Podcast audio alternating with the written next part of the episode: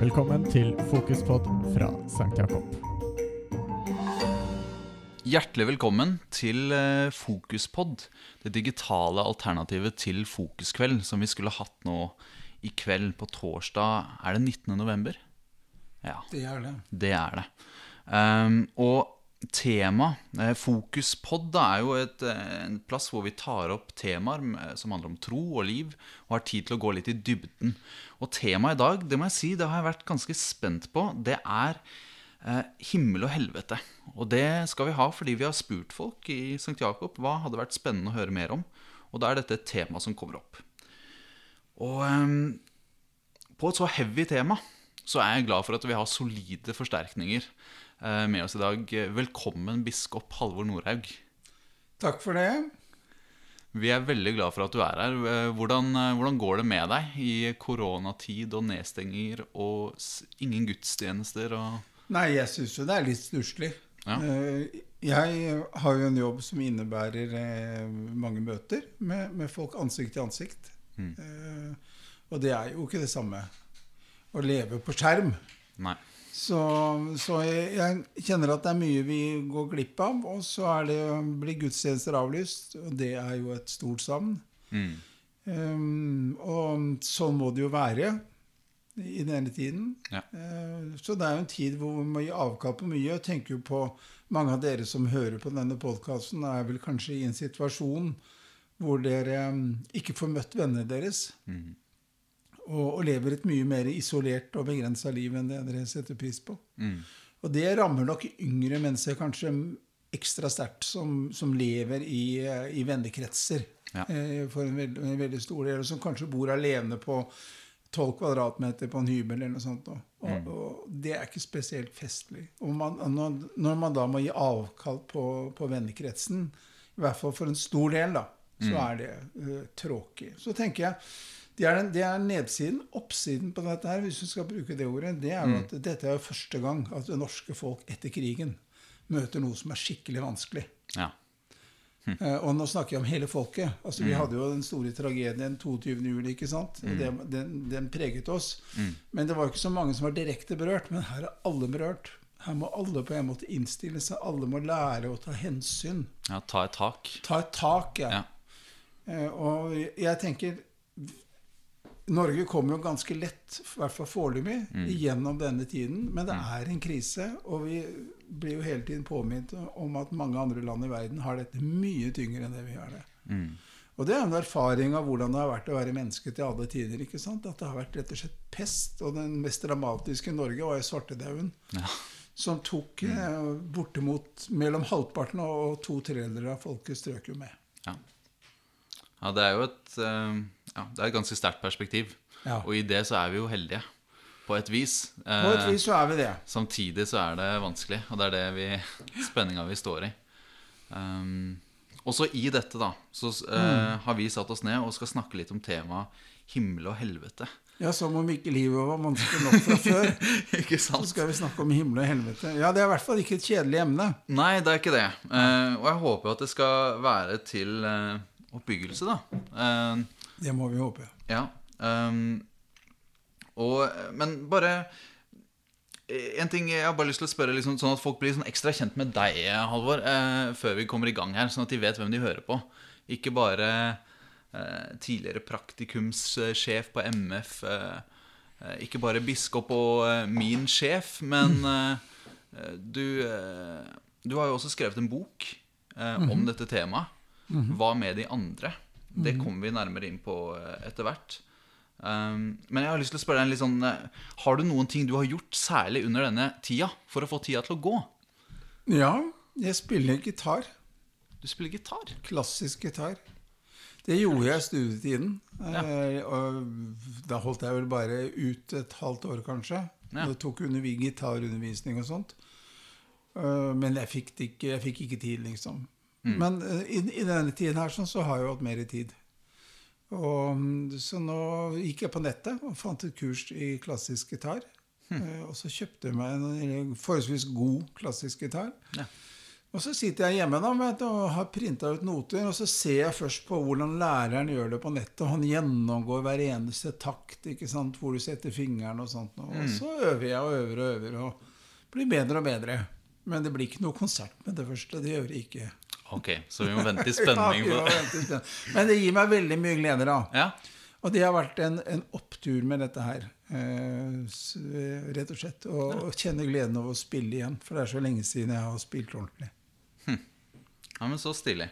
Det, det er kanskje et tips da til noen som sitter og lurer på hva de skal gjøre. Kanskje gitar. Ja, Ja. det er det. Og, og prøve liksom Det å spille klassisk gitar er ikke så veldig vanskelig hvis du, hvis du kan De fleste, eller veldig mange i hvert fall, kan jo noen akkorder, da. Mm. Ikke sant? Mm. Og men hvis du spiller klassisk gitar, så får du bare Så får du sånne eh, Ja, du kan trykke ut på nettet da, sånne eh, sider som viser hvordan du skal ta hvert enkelt grep. ikke sant? Eller eh, hver enkelt takt. Da. Du er jo ikke grep, du flytter jo, du spiller hver enkelt tone. Mm. Eh, så det er, det er ikke så vanskelig som det høres ut som. Men strålende. Da, da, vi noterer oss det tipset. Eh, en ting jeg har gjort, da eh, er å, Jeg har sett en del på serier. Og så har jeg sett litt Det sånn gjør jeg jo eh, da, men det tenkte jeg skulle ja. ikke si. da. Du skulle ikke si det? Nei, jeg vil tok- være litt mer kulturell. Men siden du har sagt det, så kan jeg si at jeg ser også litt på serier. da. Ja, men det er kultur, det òg. Ja, jo, men det er liksom litt mer flatt. da. Ja, enig. Man, man bør jo gjøre noe skapende. Men egentlig liker jeg veldig godt å se på serier. da. Ja. Ja. Eh, og noe, det har kommet litt spennende ting i det siste. En av de tingene er at eh, den serien som heter 'Ikke spør om det', hadde jo prester Ja. med seg. Uh, og jeg tenkte rett og slett nå, nå må vi begynne på temaet her. Og jeg tenkte å ta første spørsmålet derfra. Mm. Uh, for jeg ble litt inspirert av det. Jeg synes det var Jeg tror det kan være en interessant plass å starte. Og i den serien så spør de rett og slett det spørsmålet eh, Tror du på helvete? Hvordan eh, lander det spørsmålet hos deg? Ja, det er jo et spørsmål som eh, jeg i utgangspunktet tenker er feil stilt, da. Men, Men, men det er jo et godt spørsmål. Men det er feil stilt i den betydningen at når du spør en biskop hva er det du tror på, Mm. Så er ikke det første jeg tenker på helvete. Det, ikke, det er liksom ikke sentralt i min tro. Eh, Det som er sentralt i min tro, er at eh, jeg tror at Gud har skapt verden. Jeg tror at Jesus kom for å forsone oss med Gud og med hverandre. eh, Og, og vise oss det gode livet. Mm. Jeg tror at vi i kirken møter Gud. At vi blir Guds barn i dåpen. At Gud snakker til oss i Bibelen. At vi skal leve sammen i fellesskap, støtte hverandre og hjelpe hverandre. Og det er Guds vilje med livene våre, at vi skal være til for hverandre. Det er sånne ting jeg tror på, Ja. og som er viktig for meg, og som jeg står for. ja. Men så er det jo også en del av, av um, ja, nær sagt av pakka. Ja. At det står en del i Bibelen også om at det går an eh, Ordet helvete forekommer veldig sjelden, da, men det står at det går an å gå fortapt. Mm. Eh, Det mest berømte ordet i Bibelen som sikkert de fleste lærte da de var konfirmanter, det er For så høyt har Gud elsket verden, at han ga sin sønn den enbårne, for at hver den som tror på han ikke skal gå fortapt, men av evig liv. Mm. Og det ordet sier jo da to ting, nemlig at Guds vilje med oss er at vi skal ha evig liv, eller, eller uh, bli frelst, for Ja. å bruke et uh, litt sånn internt uttrykk. Men det andre, den andre siden av det er at det også går an å, å gå fortapt. Eller å miste sitt liv, er jo et uttrykk som Jesus også bruker. Hva gagner hele verden? Et menneske om han vinner hele verden, men mister sitt liv. Og det å miste sitt liv i, i Bibelens um, ramme, da, det er å, å, å leve uten Gud. Leve uten Guds kjærlighet. og, og leve uh, bortvendt da, fra Gud som vi er skapt til å leve sammen med. Og det er egentlig å miste sitt liv. Riktig. Men så da å, bli, å bli fortapt er da å leve bortvendt fra Gud uten Guds kjærlighet. Men hvordan relaterer det da til helvete? Eh, hvordan eh, Ikke sant? Brenn i helvete er jo Ja. et sånn derre eh, uttrykk, ikke sant? Eh, hva, hvordan relaterer disse fortapelse og helvete til hverandre? Jeg tror Når mange spør om tror du på helvete, vil jeg tenke i hvert fall, så lurer de på eh, tror man liksom at noen skal brenne et sted og bli straffa. Og er det det fortapelse er? Er det straff? Nei, altså, Mange sånne bilder er jo formet ikke så mye av Bibelen som det er av eh, skal vi si, kulturhistorien. da. Eh, Det, det finnes jo mange sterke bilder av hvordan folk har forestilt seg helvete gjennom tidene. Ja. Og der er det små djevler som stikker med gafler, ikke sant? Ja. Og det er folk som blir kastet i ildsjøen, og det er liksom ikke måte på. Og en del sånne bilder kan man finne dekning for i Bibelen, og særlig Johannes' åpenbaring, denne siste boken, som er en sånn eh, visjonær billedbok, da, så å si om hvordan det skal gå til slutt. Ja. Men jeg tror at det er, dette er bilder for, for en meningsløs eksistens. For, et håpløst, eh, for en håpløs tilværelse. Eh, og, og at det, eh, utgangspunktet er at Gud vil, Gud vil at alle skal bli frelst. Gud vil ha fellesskap med alle. Gud elsker alle. Men kjærligheten har jo det ved seg at den er frivillig. Ikke sant? Altså, du kan jo ikke tvinge noen til å elske deg. Nei. Du kan tilby din kjærlighet, men det er ethvert menneskes frihet å kunne si at 'jeg lever livet helst alene', eller 'jeg velger meg andre å leve med, og, og ikke deg'. Og sånn kan et menneske også svare Gud. Og da har man på en måte valgt Gud vekk. Og da tror jeg ikke Gud trenger seg på, da, men respekterer våre valg. Og da kan det jo hende at det som skjer etter døden, er at eh, de som har levd med Gud, fortsetter å leve med Gud. Og de som har, de som har valgt Gud vekk, de, de, de får det som de vil, da, på en måte. Ja. Og hvordan um, hmm. Så når, når man da Når man dør, så kan man enten leve videre med Gud ikke sant? i himmelen, da, eller så velger du Gud vekk. Uh, og eh, Ja, det er jo i hvert fall det som er hovedtendensen, hvis du vil, eh, Ja. hvis du vil eh, snakke om det i Bibelen. Så, og Jesus snakker jo ofte om, om det, at det er um, For eksempel han sier et sted at den som, hvis dere ikke vil kjennes ved meg, Mm. så skal heller ikke jeg kjennes ved dere når jeg kommer hos, uh, hos min far i himmelen. ikke sant? Altså, Det evige liv blir gjort avhengig av hvordan vi forholder oss til Jesus. Om, om vi tar imot det han har å gi, eller om vi avviser han. Eh, samtidig så sier jo også eh, Jesus at han sammenligner jo eh, Gud med en, eh, en gjeter som har 99 sauer, ikke sant? Og så mister han den ene, og da forlater han den 99 for å finne den som gikk, eh, gikk seg bort. Og da sier Jesus sånn er det også i himmelen. eh? Det er større glede i himmelen over én synder som omvender seg, enn over 99 rettferdige. Gud leter alltid etter de som har gått seg bort. Han sitter liksom ikke bare og kjølig registrerer at ja, her er det noen som har vendt seg bort fra meg. Han, han leter dem opp igjen. Mm. Og, og Guds vilje er jo at alle skal, skal bli, eh, bli, bli med til himmelen, eller til Guds rike, som Jesus også snakker om. Vi må eh, komme litt mer inn på dette med hvem som kommer til himmelen eh, eh, etter hvert. Eh, men jeg har lyst til å bare spille, stille ett siste spørsmål på dette med liksom, hvordan ser helvete ut? Fordi eh, denne høsten Det har jo vært tøft litt sånn med korona. Men det har vært litt tøft med prekentekster òg. Det har i hvert fall min opplevelse vært. Jeg tok en kikk på noen av tekstene vi har hatt. Og Altså, nå hagler det utenfor her. Så det syns jeg passer bra ut ifra temaet her. Ja, men det, det, det, ble, det blåser opp til storm rett og slett når disse gudsordene skal leses. Eh, Jeg er enig med deg, Halvor. Det passer godt. Eh, Noe av det som står her, er blant annet disse med tid eh, noen som får noen talenter som de skal forvalte. Ja. Ikke sant? Så er det noen som får mer igjen, og så er det en som graver den ned. Og han, han blir virkelig refsa, da. Eh, han blir fratatt det han har.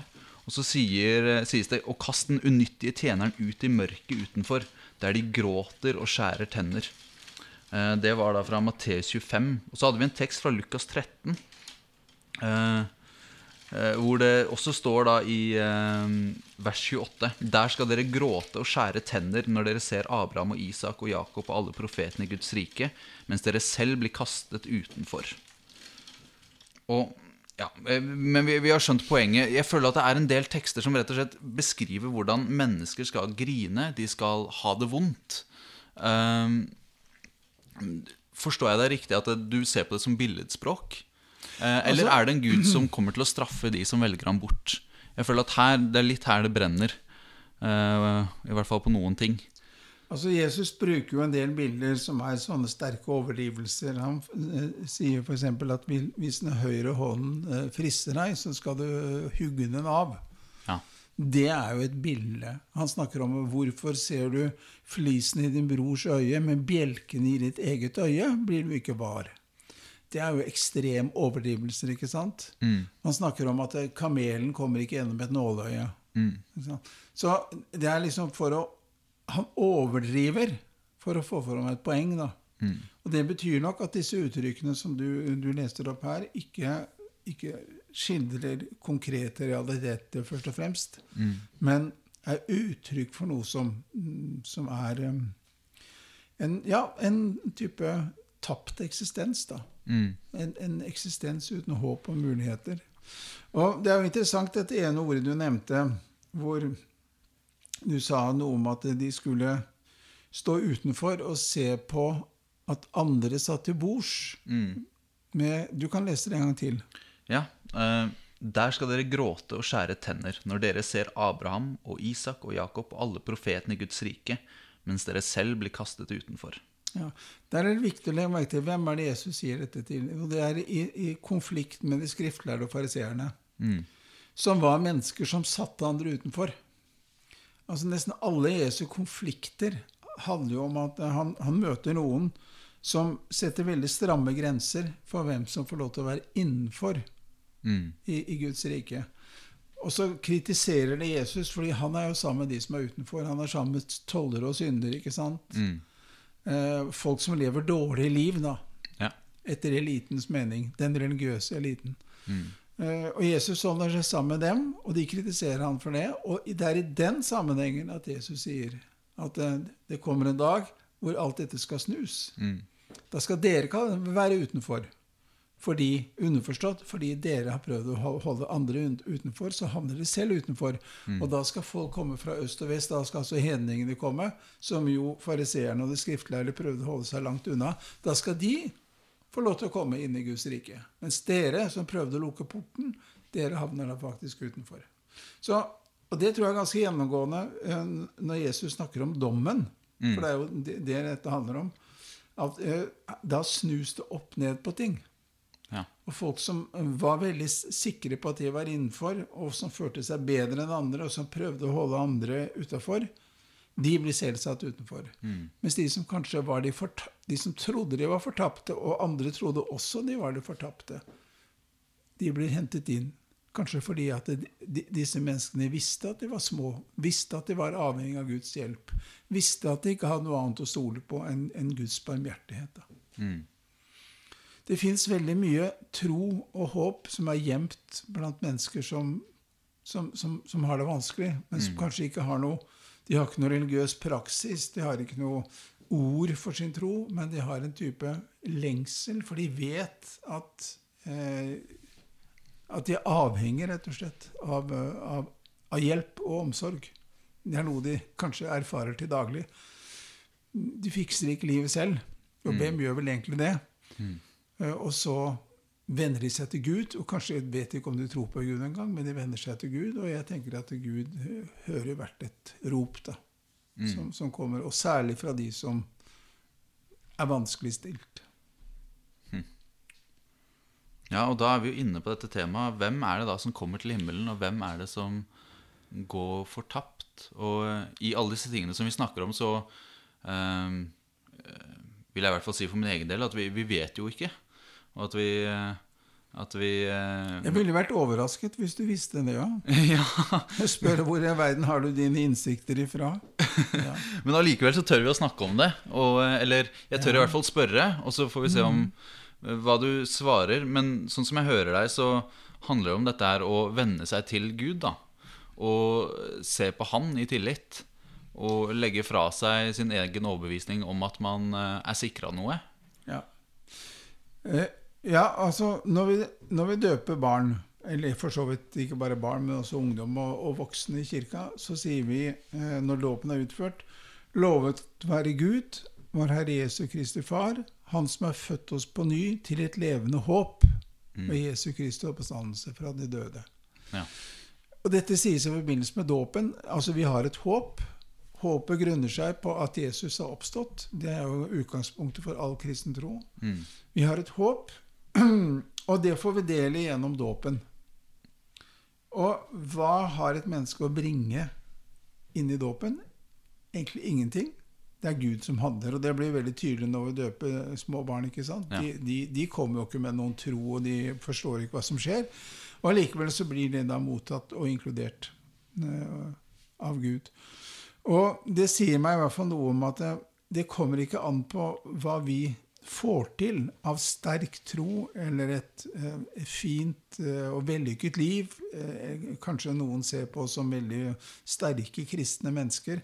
Det er, ikke, det er ikke det det kommer an på, men det er rett og slett om, om vi er der hvor vi blir lagt i dåpen, nemlig i Guds hender, og, og vil være der. Og det er det som ligger i dette, her, å, å leve vendt mot Gud. Gud har jo først vendt seg mot oss. Mm.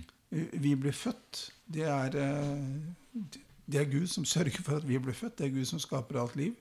Og i dåpen så tar Gud imot oss eh, og, og vil holde oss der, da. Mm. Og da, Når vi da snakker om å leve vendt mot Gud, så i kirka så snakker vi jo ganske mye om hvordan vi lever. Eh, ikke sant? Det er jo, Og Jesus snakker også mye om hva som er et godt liv. Um, og da er det spennende, syns jeg, å komme inn på liksom Skjæringspunktet mellom ja, ja, er du sikra, da? Hvis du blir døpt, kan du da gjøre hva du vil resten av livet? Um, eller har det noe å si eh, det, med hvordan vi lever, da? På hvordan dette eh, går til slutt. Det syns jeg er en sånn eh, et spennende spørsmål, naturlig å stille i forlengelsen av dette. Altså mange Mange sammenligner dåpen med en båt. Det er et ganske godt bilde. Mm. Um, eller rettere sagt, det er kirken som er dåpen, og, i, og det er kirken som er båten. Og gjennom dåpen så blir jeg tatt opp i denne båten. Um, og det er noen andre som tar meg opp i den, da, ikke sant? Mm. Um, det er noen som bærer meg til dåpen. Um, det er noen som, som forteller meg om Jesus, uh, som, bringer meg dit. Og det er da dypest sett Gud selv da, som handler med dåpen. Og jeg ble tatt opp i denne båten som er kirka. Så kan det hende at jeg senere i livet uh, vender meg bort fra det og sier at dette tror jeg ikke på. Dette betyr ikke noe for meg. Jeg vil, uh, jeg vil leve for meg selv, jeg, eller jeg vil leve for, for andre guder, eller for andre idealer. Mm. Eh, og da er du ute av båten. Eh, og det går an. Ja. Så det å bli døpt er jo ikke noen garanti for at du gjennom hele livet vil, eh, vil, vil være en kristen. Det går, an å, det går an å snu seg bort fra det. Men, da må du svømme selv? Er det da må du svømme selv, og da i, I lengden så går jo ikke det så bra, da. Um, men då- båten er der hele tiden, og er, du kan når som helst komme tilbake. Du har på en måte en inngangsbillett til denne, til, til denne båten gjennom din dåp. Mm. Og så tenker jeg, og nå er det sikkert noen som hører på dette som syns det er, eh, det er triste ting å høre, for de er ikke døpt. Ja. Og Da har jeg to ting å si til dere. Det første er det går an å bli døpt. ja. Uansett hvor gammel du er. Også i St. Jakob? Også i Sankt Jakob. Ja. Så tenk på det. det, det er, jeg syns det er ingenting som er mer stas enn å få vært til stede når både ungdom og voksne blir, blir, blir døpt. Og det andre er eh, til syvende og sist så er det jo ikke sånn at det å ikke være døpt betyr at man er fortapt. Mm. vi, vi snakker om dåpen, vi, vi løfter fram dåpen fordi eh, Jesus har sagt at vi skal døpe Mm. og at Gud handler, handler med oss i dåpen. Men det betyr jo ikke at den som ikke er døpt, ikke har noen sjanse. Alt dette overlater vi til Gud. da. Flertallet av verdens mennesker er faktisk ikke døpt. Nei. Og det betyr jo ikke det samme som at det dermed så er det uten håp. Um, når vi snakker om disse tingene, så får jeg lyst til å dele en, uh, erfaring fra en bok jeg har lest. uh, skrevet av C.S. Lewis, som heter The Great Divorce. Uh, kjenner du til den boka? Den har jeg lest i sin tid, da. Ja. Jeg syns den er spennende, for den beskriver på en måte himmel og helvete på i et slags bilde. da Hvor vi starter i det som må være helvete, som er en by hvor eh, tett inne mot sentrum så står det by eh, Så står det hus tett i tett. Eller leiligheter hvor man bor på små arealer tett med andre mennesker. Og så etter hvert når man kommer lenger og lenger ut, så har folk krangla. da Så de har lyst til å komme seg lenger vekk fra mennesker og få seg større hus og mer ting og liksom fantastiske ting. Um, og så helt i sentrum av denne byen så går det en buss um, opp til da en himmel. eh, hvor eh, disse menneskene som, tar, som kommer seg inn til sentrum av byen og tar denne bussen, de kan da komme opp og møte da himmelen, hvor alt er mye mer ekte. Og de møter engler som Blant annet en som har Han har en sånn eh, en, en mann da som går ned eh, Han står med bøyd rygg, og så har han en sånn der firfisle eller noe sånt på, på skuldra. Som driver og hvisker vonde ting inn i øret på han. Så kommer det en engel og spør liksom Kan jeg drepe den. Han sier nei, helst Nei, det, den er jo den er litt fæl av og til, men det går greit, liksom. Ja, men kan jeg drepe den? Nei, den gjør gode ting òg, og liksom, den holder meg, og sånn og sånn. Og så, ja, men kan jeg drepe den? Og så til slutt sier mannen ja, da. Og når da den blir drept, så eh, blir den for det første til en sånn vakker, flott hest som man kan ri av gårde på. Og mannen får retta på ryggen og alt mulig. Um, når du snakker om dette med at ingen kan tvinge oss eh, til å elske eller å bli elska, eh, så syns jeg det er et vakkert bilde. Eh, og så syns jeg altså dette med denne byen hvor de som bor enkelt, de som bor tett på andre mennesker, de har lettere for å komme til denne bussen. Mens de som dyrker rikdommen, de som helst vil bo aleine, langt borte fra andre, de har en lang vei å gå til denne bussen. Um, for meg så er det blitt et slags bilde på um, hvordan vi lever også påvirker vår evne til å ta imot kjærlighet. Uh, hvis du skjønner litt hva jeg mener med det. Og så lurer jeg av og til på ja, er det greit å støtte seg til en bok som dette, eller er jeg da inne Er det, er det mer sånn katolsk helliggjørelsestanke uh, jeg er på vei inn mot her når jeg syns det er spennende å lese den boka, eller uh, Hva er dine tanker? Altså, C.S. Lewis fremstiller vel eh, også sånn at der i himmelen så er det liksom Der er det en annen sånn eh, materie. Der, der er det sånn mm. Der er det mye mer kompakt. Det er, det er mye mer a real thing, ikke sant? Ja. Det, det er et, eh, et, et ordentlig liv, mens da mens da utgangspunktet der nede i byen er mer sånn skinneksistens. ja, stemmer. Så, og det er jo et ganske godt uttrykk, tror jeg, for at um, i, i Bibelen så står det jo også at um, uh, verden skal, uh, skal bli født på ny. Altså det er denne verden Det er liksom ikke sånn luftig eksistens hvor man er oppe på skyer med harper og sånt, men det er denne verden uh, som skal bli ny. Og det er en ny verden, men det skal likevel ha med seg alt det som er godt i denne verden. da. Um, slik at hvis du kan tenke på noe du virkelig setter pris på Gleder som du opplever som, som, som beriker ditt liv, så kan du være helt sikker på at disse skal du finne 100 ganger eh, sterkere eh, i, i, i himmelen. ikke sant? Det er um, Det er jo ikke sånn at Gud frelser oss til en dårligere eksistens, men til en mye, et mye rikere liv, da. Og at det som, det som venter bortenfor døden, er, er mye større enn vi kan fatte. Og det er, det er da håpet. Og, så den boka til C.S. Lewis er et forsøk på å beskrive det ubeskrivelige. Johannes' åpenbaring i Bibelen er jo et annet forsøk på å beskrive det, det ubegripelige. Skrevet i en annen tid og en annen kultur. Og Martin Luther sa jo en gang om Johannes' åpenbaring at det, dette skjønner jeg egentlig ingenting av. Nei. Vis- det er veldig, jeg tror ikke det er der du skal begynne. Du må ikke begynne med å lese slutten av boka. vet du. Nei. Eh, Men du, du kan heller begynne, hvis du ikke har noe forhold til Det nye testamentet, så kan du begynne med begynnelsen. da, Lese evangeliene. Ja. Det er jo der Det er storyen, på en måte. da. Ikke sant? Og når man er ferdig med de, så kan man kanskje lese 'Men hva med de andre?' av Halvor Norhaug.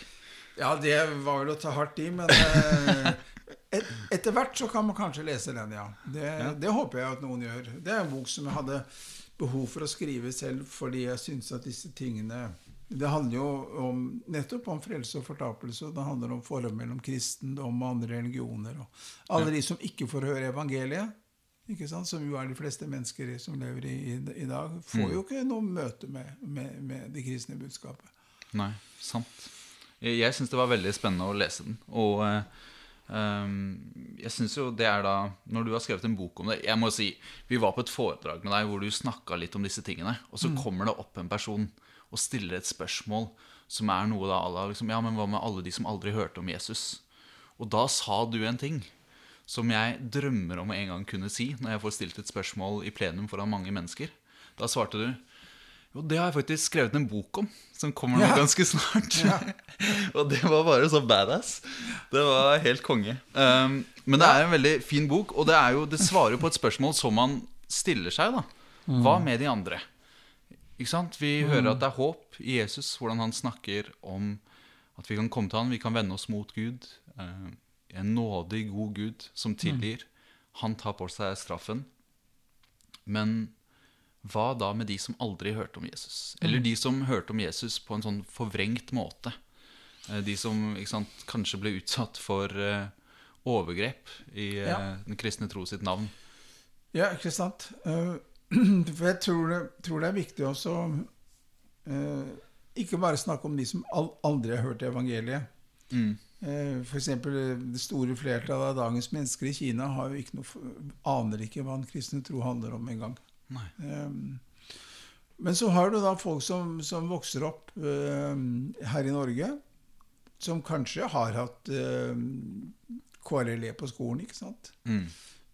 Men uh, det ga jo ikke noe levende møte med, med en kristne tro. Eller så har de kanskje da, for å gjøre det en, enda vanskeligere, de har møtt et kristent miljø som de opplevde som veldig forlømmende, veldig trangt, veldig undertrykkende. Eh, alt som var gøy, var synd. ikke sant? Det er jo litt karikert, men sånn var det jo kanskje mer av, mer av før. Jeg vokste jo opp husker jeg med en debatt om dette kunne kristne danse. Det er jo, virker jo rimelig fjernt i dag. Ja, det vil jeg si. Ja, jo, jo, men det var en gang et tema. Og denne type unødvendige eh, trange regler gjorde jo at en del folk kjente bare at eh, er det noe jeg ikke skal bli, så er det kristen. ikke sant? Ja, det er skjønner jeg godt, egentlig. Ja, det skjønner jeg så godt. Og jeg Ja. tenker det skjønner Gud også godt. Og, Mm. Så det er egentlig ganske mange, også her i Norge, selv om du har kirke på i hver eneste bygd Mm. og by, så har folk allikevel ikke hørt om, hørt om Jesus. Men det, de har kanskje bare hørt om, om veldig mange andre Forbud mot dansing og kortspill. Ja, altså de ting som er unødvendige. Eller, eller Ja. de, har, de har fått høre om folk som snakket veldig mye om helvete og fortapelsen. ikke sant? Så du har ikke fått øye på Guds godhet i det hele tatt. Mm. Så dette her har jo opptatt meg litt. Um, jeg skriver jo i forordet på denne boka at jeg samtaler med en ung mann da, som jeg kaller for Terje. Eh, Og som er i utgangspunktet en kristen, som kjenner det at det er blitt vanskeligere og vanskeligere å tro på dette her. Nettopp fordi at han syns det er urimelig at eh, så mange mennesker skal gå fortapt hvis Gud virkelig elsker alle. Mm. Han klarer ikke å tro på en sånn Gud som vil sende mennesker inn i fortapelsen. Når de kanskje har levd bra liv, eh, men av en eller annen grunn har valgt å ikke tro, eller kanskje aldri fått sjansen til å tro. Så, det er noe av utgangspunktet for, for å skrive denne boka. Da. Hva med de andre?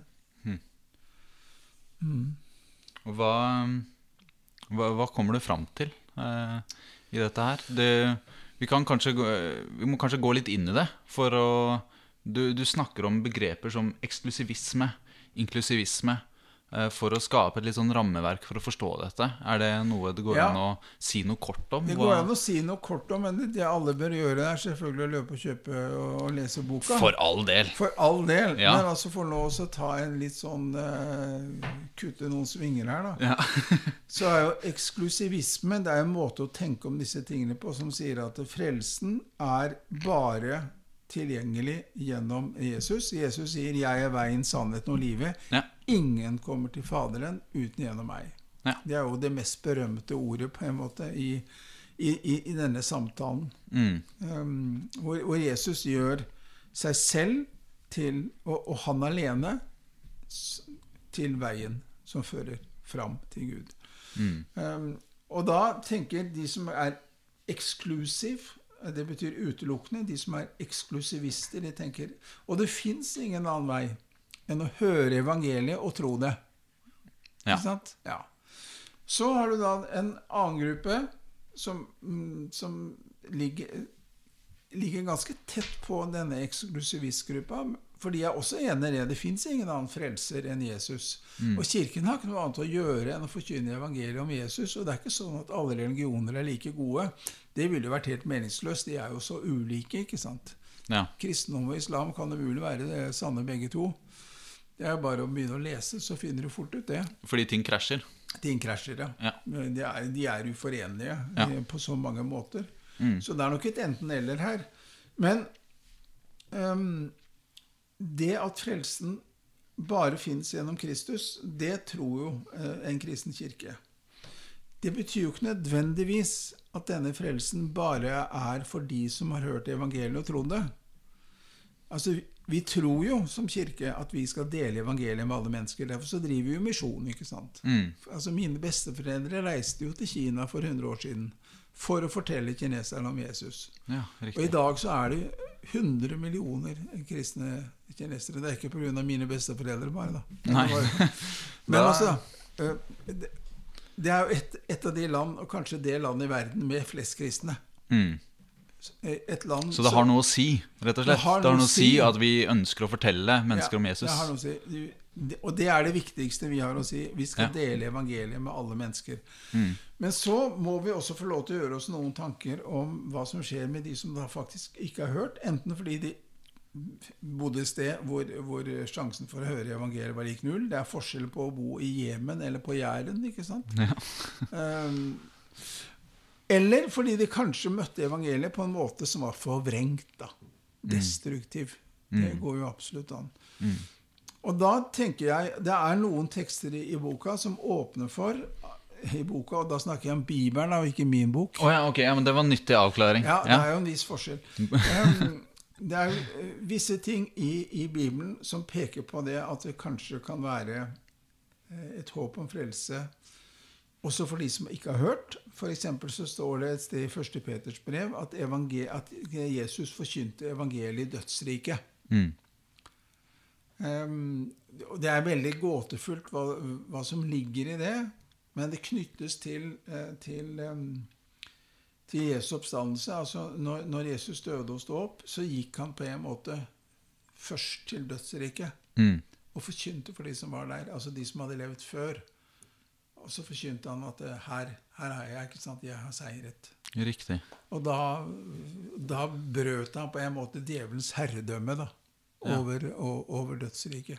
Så de som var i dødsriket, fikk en eh, De- sjanse nummer to, på en måte? Ja, det, det, det står ikke noe annet enn at evangeliet er, er forkynt også for døde.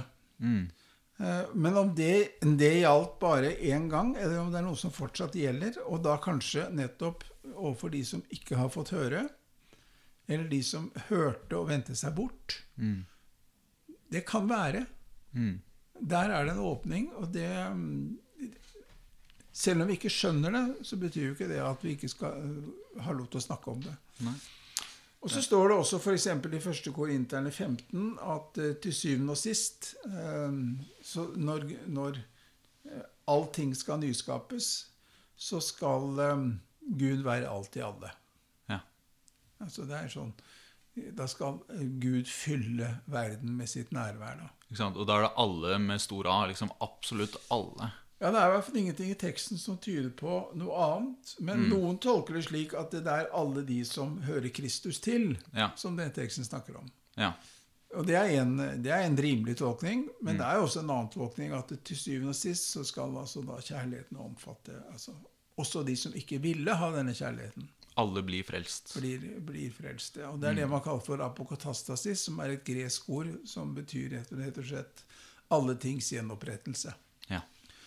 Eh, Men det, det er nok noe som Kirken ikke kan si at eh, dette er noe vi tror.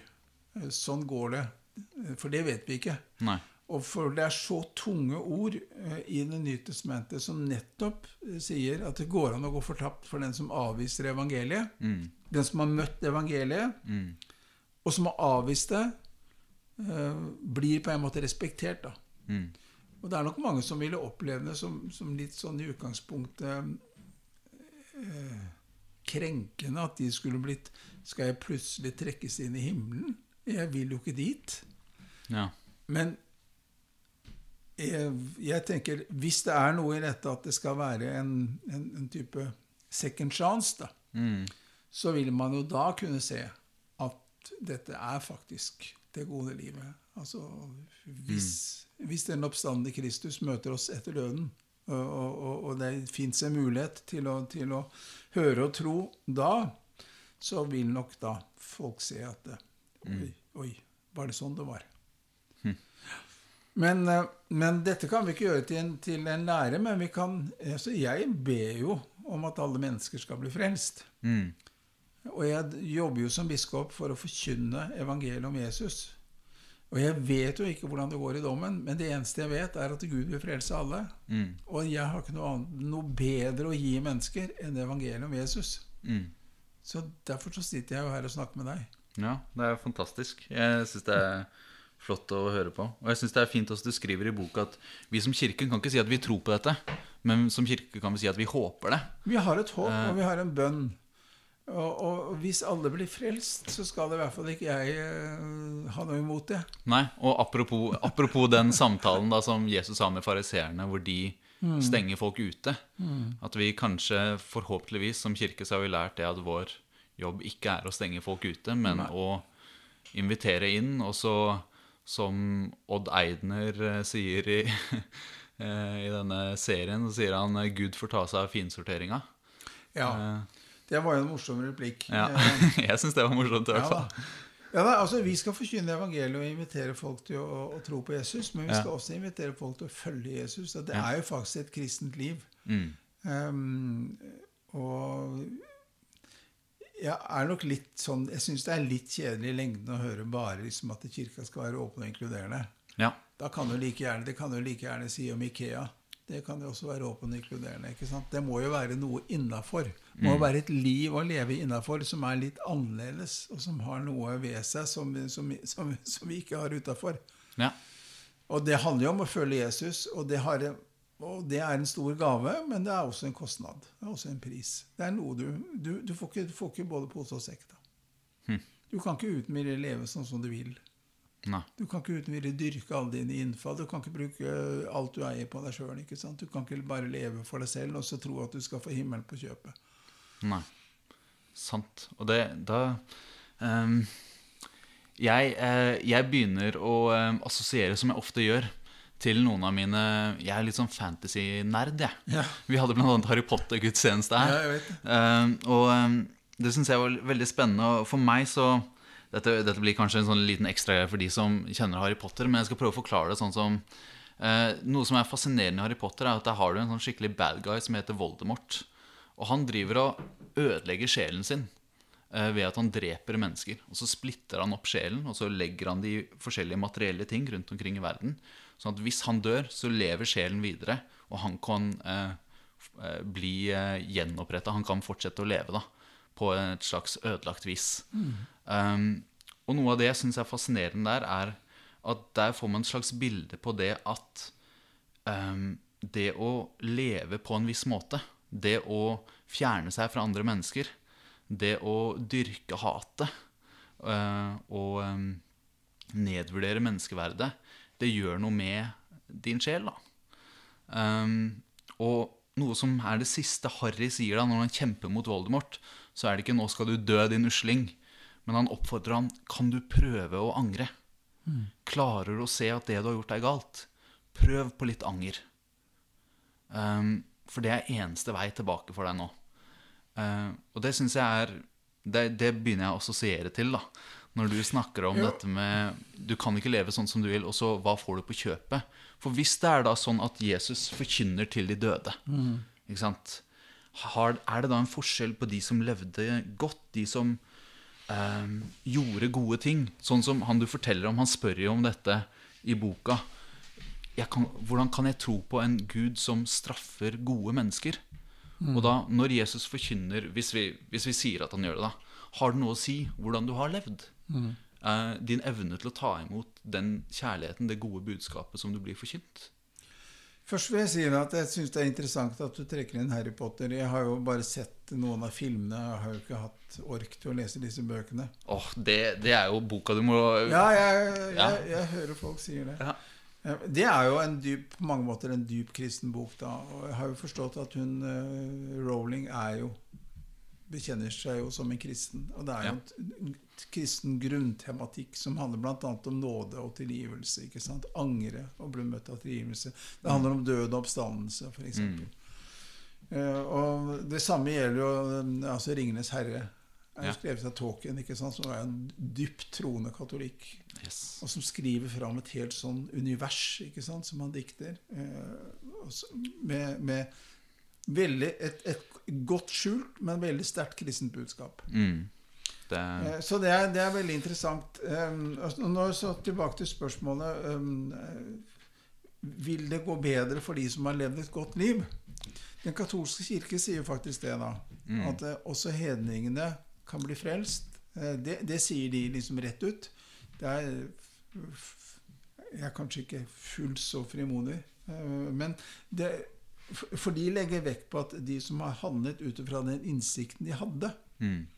alle mennesker har en fornuft, alle mennesker har en samvittighet, alle mennesker vet noe om rett og galt. Mm. Ikke sant? Det er jo ikke sånn at det bare kristne har skjønt uh, hele pakka. Altså, veldig mye sannhet ligger jo spredt overalt i verden.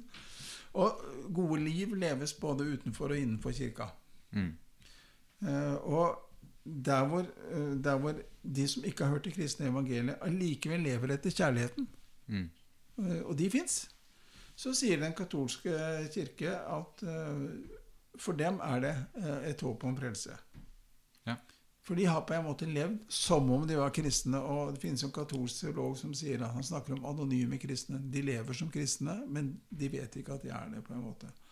Det høres veldig fint ut. Veldig fair. Ja, det høres veldig fint ut, men det Ja. jeg reagerer på, og det skriver jeg også litt om i boka, det er at det, hovedveien inn til Guds rike er jo egentlig strengt tatt ikke våre gjerninger, men det er vår tro på Kristus. Det er vår avhengighet av Kristus. Det er jo Han som gjør gjør døren høy og porten vid, slik at vi får komme inn. Det er jo ikke Jeg syns kanskje den katolske tankegangen er litt for preget av eh, at man legger veldig mye vekt på, på gjerningene, hvordan mennesker har levd sine liv. da. Ja. Men um, Men går det an å si at det, kan det være lettere for dem å komme til tro? Å tro på budskapet? ja, det, det kan hende, men det, kan jo, det finnes jo en del gode mennesker som, som er veldig klar over at de er gode, da, og, og har på en måte en, en type Man kan bli litt um, Du kan lukke deg også om din egen prektighet, ikke sant? Ja. Eh, og, og At du trenger ingen andre? For du er så du trenger egentlig ingen nåde. Fordi Nei. at du mener at du lever et, et fremragende liv. mm. Men de fleste mennesker vet vel, hvis de er ærlige mot seg selv, at de, de har en lov i sitt hjerte. De har en samvittighet. Og de vet at de klarer ikke å følge den loven. Ikke sant? Mm. De vet at de lever ikke sånn som de burde. Det, det vet vel egentlig ethvert moralsk tenkende menneske. da. Så vi må jo alle sette vår lit til nåden. Mm. Det er jo ikke noe annet. Jeg, kan, jeg har jo ikke noe forsprang fremfor andre. Nå skal ikke jeg spoile denne boka for de som har lyst til å lese den, men eh, du har jo sagt litt om hvor du lander. Eh, litt Ja, om hva du jeg- lander jo på dette på litt sånn Ja, ikke på sånn quick fix-løsning, da, men på sånn dobbelthet. På den ene siden så mener jeg at eh, det finnes så mange tekster i, i Det nye testamentet, da. Mm. Også ordet av Jesus, som snakker om at det finnes en dom. Og at eh, når du hører evangeliet, så er det alvor om du tar imot det eller ikke. Ja. Sant? Og når du møter Jesus, så er det et kall til å tro på han og følge han. Og det er det er det gode livet, det er det rike livet. Eh, men det kan også avvises. Og den som avviser eh, Gud, vil jo da risikere å få sitt valg respektert, også i dommen, til syvende og sist. Altså Vil du ikke ha med Gud å gjøre, vel, så slipper du. Og det er, det er fortapelsen, da. Um, men uh, samtidig så fins det da noen sånne uh, antydninger om at det kanskje fins en sjanse etter døden. Mm. Det er ikke så rart at det ikke står så veldig mye om hva som skjer etter døden, fordi Bibelen er skrevet for oss som lever. ikke sant? Ja. Den er ikke skrevet for de døde, men er skrevet for oss som lever. Og vi skal høre evangeliet og ta imot det, og så må vi overlate til Gud hva som skjer med alle de andre. Eh, både de som ikke fikk høre evangeliet, og de som kanskje fikk høre det på en måte som gjorde at det ble umulig å tro. Men Bibelen retter seg til oss som lever, og sier vi skal, vi skal tro på Jesus. Vi skal følge Han. Vi skal leve for, for kjærligheten. Og så får vi overlate til syvende og sist eh, den store dommen til Gud. Og, det, og da er det jo Jesus selv som skal være dommer. Mm. Jeg kan ikke tenke meg noen bedre. Nei. Jeg lurer på om vi eh, etter hvert har sagt mye. Vi har Eh, sagt veldig mye. Ja, og forhåpentligvis så er det, no, det noen flere ting man bør legge til eh, til eh, det som er sagt nå. eh. Jeg tror i hvert fall at vi skal ikke legge for mye energi og for mye tanker inn i det som har med disse tingene å gjøre. Nei, fordi jeg har hatt egentlig For- litt dårlig for- samvittighet for det. det, det kan gå litt utover både nattensøvnen, og du kan få et veldig sånn skeivt bilde av hva kristendom egentlig handler om. da. Ja. Og du kan få et skeivt bilde av Gud. ikke sant? Du kan få et bilde av Gud som sitter der som en, som en sånn eh, overlærer eller en kontrollør som driver og skiller mennesker. Ja. det, er ikke, det er jo ikke det bildet som Jesus tegner av Gud. For min egen del, sånn personlig, så må jeg si at dette er en ting jeg ikke har tenkt så veldig mye på. Det har ikke vært men en du er jo blitt prest, da. jeg, jeg er jo jeg er blitt prest, ja. ja. Men jeg har kanskje liksom Til og med gått på MF. ja. Men, eh, ja, men jeg har jo, jeg har jo jobba med det, tekster og sånn. Ja. Men det er ikke noe jeg går rundt og tenker på mye til vanlig. Er det, er det noe en kristen bør tenke på? Uh, Altså jeg tror uh, Det vi skal tenke på til vanlig, er jo de utfordringene vi møter hver eneste dag. De menneskene vi møter hver dag. Jeg hver eneste dag så prøver jeg å be til, til, til Gud om at eh, eh, La meg møte hvert menneske med, med, med kjærlighet og med et åpent sinn. Og la meg få være et vitne. Mm. Uh, på en eller annen måte kunne si noe om, om troen. Um, det er liksom mitt livsprosjekt, da, sånn fra Ja. dag til dag. Og mm. alt dette andre som vi har snakket om nå, stort sett, ja. det er jo ikke mitt bord, da. Og, og kanskje skulle jeg ikke skrevet noen bok om det heller. Fordi at nettopp Jo, det syns jeg var fint at det, men det er jo fordi at det, vi, vi tenker på det, og for mange mennesker så er jo disse spørsmålene som vi nå har snakket om, Ja. det er, det er de tingene som gjør det vanskelig å tro. ja. Eh, Så derfor så har jeg villet eh, ta det litt sånn seriøst. Mm. Eh, og så kan man jo mene hvor vellykket det var eller ikke. Det, det kan det være ulike meninger om, men det er i hvert fall et forsøk. Men min tro har et annet fokus, da. Mm. Det handler jo om det livet som vi skal leve her og nå. Mm. Personlig så syns jeg det var et vellykka forsøk. Ja, men det er Eh, godt å det må høre. jeg si. Um, helt avslutningsvis Så får vi jo se hvordan det går til slutt. ja. Den som dør, får se, som den, Odd Eidner sier. Ja da, den som lever får se, den som dør får se. Ja, Ja. ja sånn er det. Um, helt avslutningsvis så har jeg tre spørsmål. Fordi når vi snakker om dette, og det er en utfordring jeg opplever mye, eller tenker i hvert fall mye på, er at når jeg har en preken, f.eks., så sier jeg kanskje noen ting som eh, Når vi snakker om å oppfordre til å tenke på miljøet når vi lever, så er det kanskje noen som hører det, og som virkelig trenger å høre det, eh, og som kanskje ikke tar det inn, som tenker at miljøet det angår ikke meg. Og så er det andre som allerede bruker veldig mye av sin tid på å tenke på det. Eh, og som virkelig tar det inn og tenker 'Å ja, dette Og så blir det en slags ekstra byrde, da. Når vi snakker eh, i store ord, så vet vi ikke helt åssen det lander. Fordi folk kommer inn med forskjellige utgangspunkt og sånn. Så derfor har jeg lyst til å spisse litt noen spørsmål helt til slutt. Um, så hva har du lyst til å si til de som er sikre på at de kommer til himmelen? Ja, Jeg tror det går an å, å, å, å ha en altså sikkerhet i, i, i betydningen security. Ja. Er da er du 100% sikker. Ja. Det tror jeg ikke vi kan være. Men jeg tror vi kan ha en trygghet. Eh, Og jeg tror jeg har en trygghet på at jeg er et Guds barn. Ikke fordi jeg, er, jeg lever et så storartet liv eller har så voldsomt sterk tro, men, men fordi at jeg, eh, jeg tilhører Jesus. Jeg er Mm. døpt, jeg tilhører Jesus, jeg ber til Jesus. Jeg, jeg vil leve som en kristen. Jeg, jeg prøver å leve vendt mot Gud. Eh, Jeg tror at mitt, mitt liv er i Guds hånd, da. Det gir meg ikke noe Det er ikke noe sikkerhet. Jeg kan ikke være helt sikker. Altså, alt dette vi snakker om, er jo usynlige ting. Det er jo ingen som kan bevise eller motbevise. Og ordet sikkerhet det går liksom mer i retning av den fullstendige eh, overbevisning. Dette tviler jeg ikke på et sekund. Mm. Der er jeg liksom ikke. Men jeg har en trygghet. Og det er godt å ha en trygghet. Mm. Så de som har en trygghet, skal være glad for det. Ja. Og den skal du ikke, den skal du ikke kimse av. Eh, Og jeg har denne tryggheten i bunnen av min tro, at jeg er tatt vare på, rett og slett. Jeg er i Guds hånd. Det er, det er liksom det største for meg. Da. Så fint. Så har jeg lyst til å spørre deg, hva vil du si til de som ikke bryr seg så mye om himmel og helvete og frelse og de greiene der? Tenker at det er, eh, det er noe de ikke ønsker å forholde seg til. Da vil jeg si at eh, de er like mye elsket av Gud, de som det jeg er.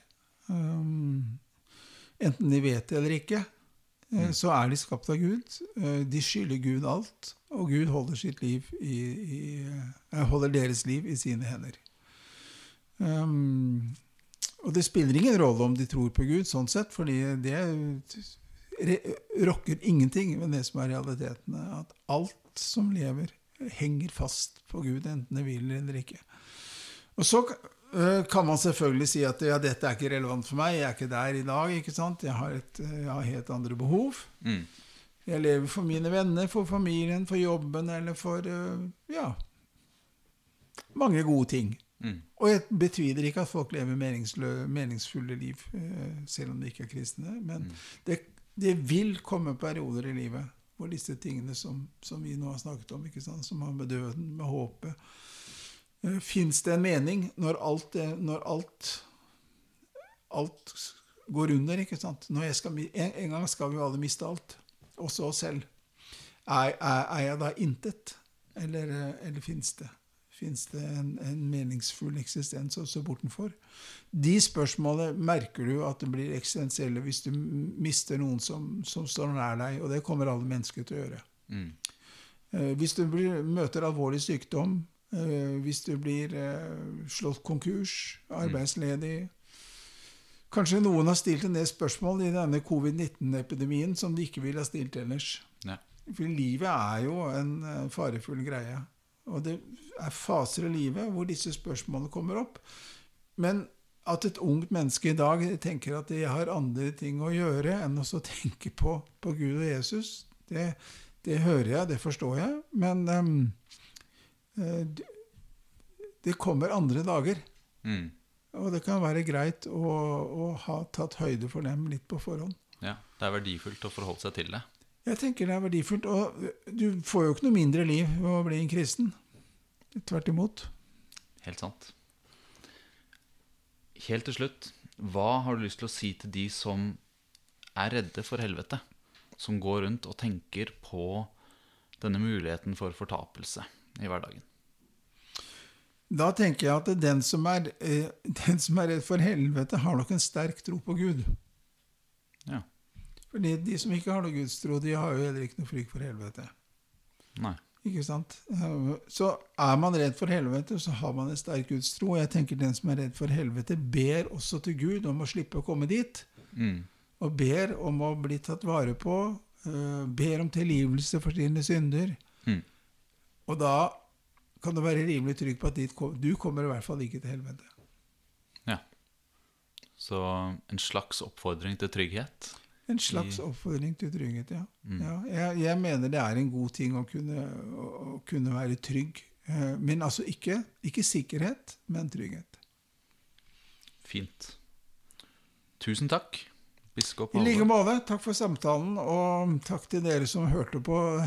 Ja, Det, det jo Det ble jo en lang samtale, men um, vi snakket jo også om de evige ting, så da tar jo det litt tid. sånn sett så var jo dette ganske kort. Ja, da var Inni- I forhold til evigheten så var det ingenting, nei. Nei. Nei, helt sant. Takk til dere som har hørt på. Vi eh, Jeg kan si at jeg gleder meg til vi sees ansikt til ansikt igjen. Det blir fint. Det blir fint. Um, og så eh, hvis dere går rundt og tenker på ting, så går det an å ta kontakt med oss som er i kirka. At det går an å ta en prat om disse tingene. Um, men uh, takk igjen, Alvor, for at du ville være her og dele dine kloke tanker med oss. Det Um, ja, kjekt. ja, det syns jeg også det ble. Fram til vi sees eller høres igjen, så får dere ha det godt.